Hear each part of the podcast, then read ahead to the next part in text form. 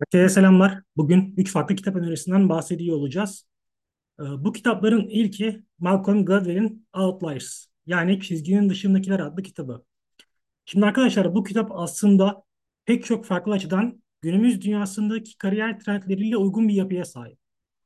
Ha şöyle bir yanı var. Benim bir yandan katılmadığım ve bir açıdan uygun bulmadığım bir tarafı bulunuyor kitapta. O da nedir? Aslında verdiği örneklerde e, hep böyle çok fazla derinlemesine uzmanlığı önermesi, bunu tavsiye etmesi. Ben açıkçası günümüz kariyer trendlerine bunu çok uygun bulmuyorum. Yani ille de bir şeyde uzman olmaza gerek yok bu dönemde fark yaratmak için.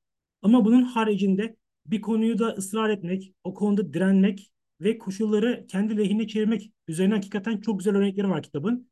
Ve açıkçası bu gibi örneklerin bize ilham verebileceğini ve ilhamdan daha önemlisi aslında yaptığımız hatalarda ya ben burada niye başarılı olamıyorum sorusunun yanıtını bulmamızda pek çok açıdan yardımcı olacağını düşünüyorum bu kitabın. Bu vesileyle açıkçası öneririm. Bir başka önemli kitap önerimiz ise Alışkanlıkların Gücü. Charles Duhigg'in yazmış olduğu bir kitap. Bu da aslında günlük hayatımızda bazen sıkıcı diye adlandırabileceğimiz ya da bazen ya bunu niye yapıyorum, bu benim başarıma ne etki edecek diye sorguladığımız pek çok şeyin aslında başarıya giden yolda bizim için olmazsa olmazlardan biri olduğunu görmemizi sağlıyor, sağlıyor aslında. Dolayısıyla bu da bir başka kilit nokta. Bunu da aynı şekilde pek çok iyi örnekle bize gösteriyor. Ama bu şey değil. Yani burada yanlış anlaşılmasın. E, Hayatımız boyunca yaptığımız her rutin bizi başarıya ulaştırır gibi bir şey yok. Yani hatta nitekim özellikle böyle işte özel sektörde, kurumsal hayatta yaptığımız pek çok rutin bizim psikolojik yıpranmamıza da neden olabilir. Bu ayrı bir konu. Ama burada kastedilen daha çok bizim kendi içsel huzurumuz ya da uzun vadeli başarılar, kendi istediğimiz başarı haritaları için yapılan alışkanlıklar, yapılan rutinler diyebilirim. Üçüncü ve son kitap öner örneğimiz ise, e, önerimiz aynı zamanda ise Nassim Taleb'in yazmış olduğu Anti Kırılganlık adlı kitap.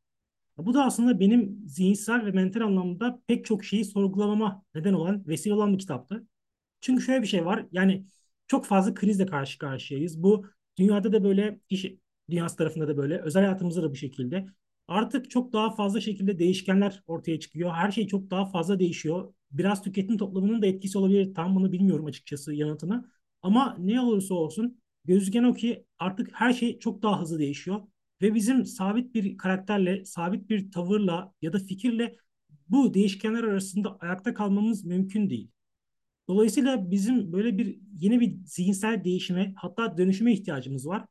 Ve bunu nasıl yapabileceğimiz, neden yapmamız gerektiği gibi soruların yanıtını da aslında Nassim Talep daha soyut ve somut örnekleri birleştirerek çok güzel bir bence o kolektif bir çalışmayla, böyle bütüncül bir çalışmayla anlatıyor. Ee, bu sebeple açıkçası Antik Kral kitabını kesinlikle tavsiye ederim. Ee, bu haftalık konu başlıklarımız bu şekilde. Önümüzdeki haftalarda bu gibi yeni önerilerle karşınızda olmak dileğiyle.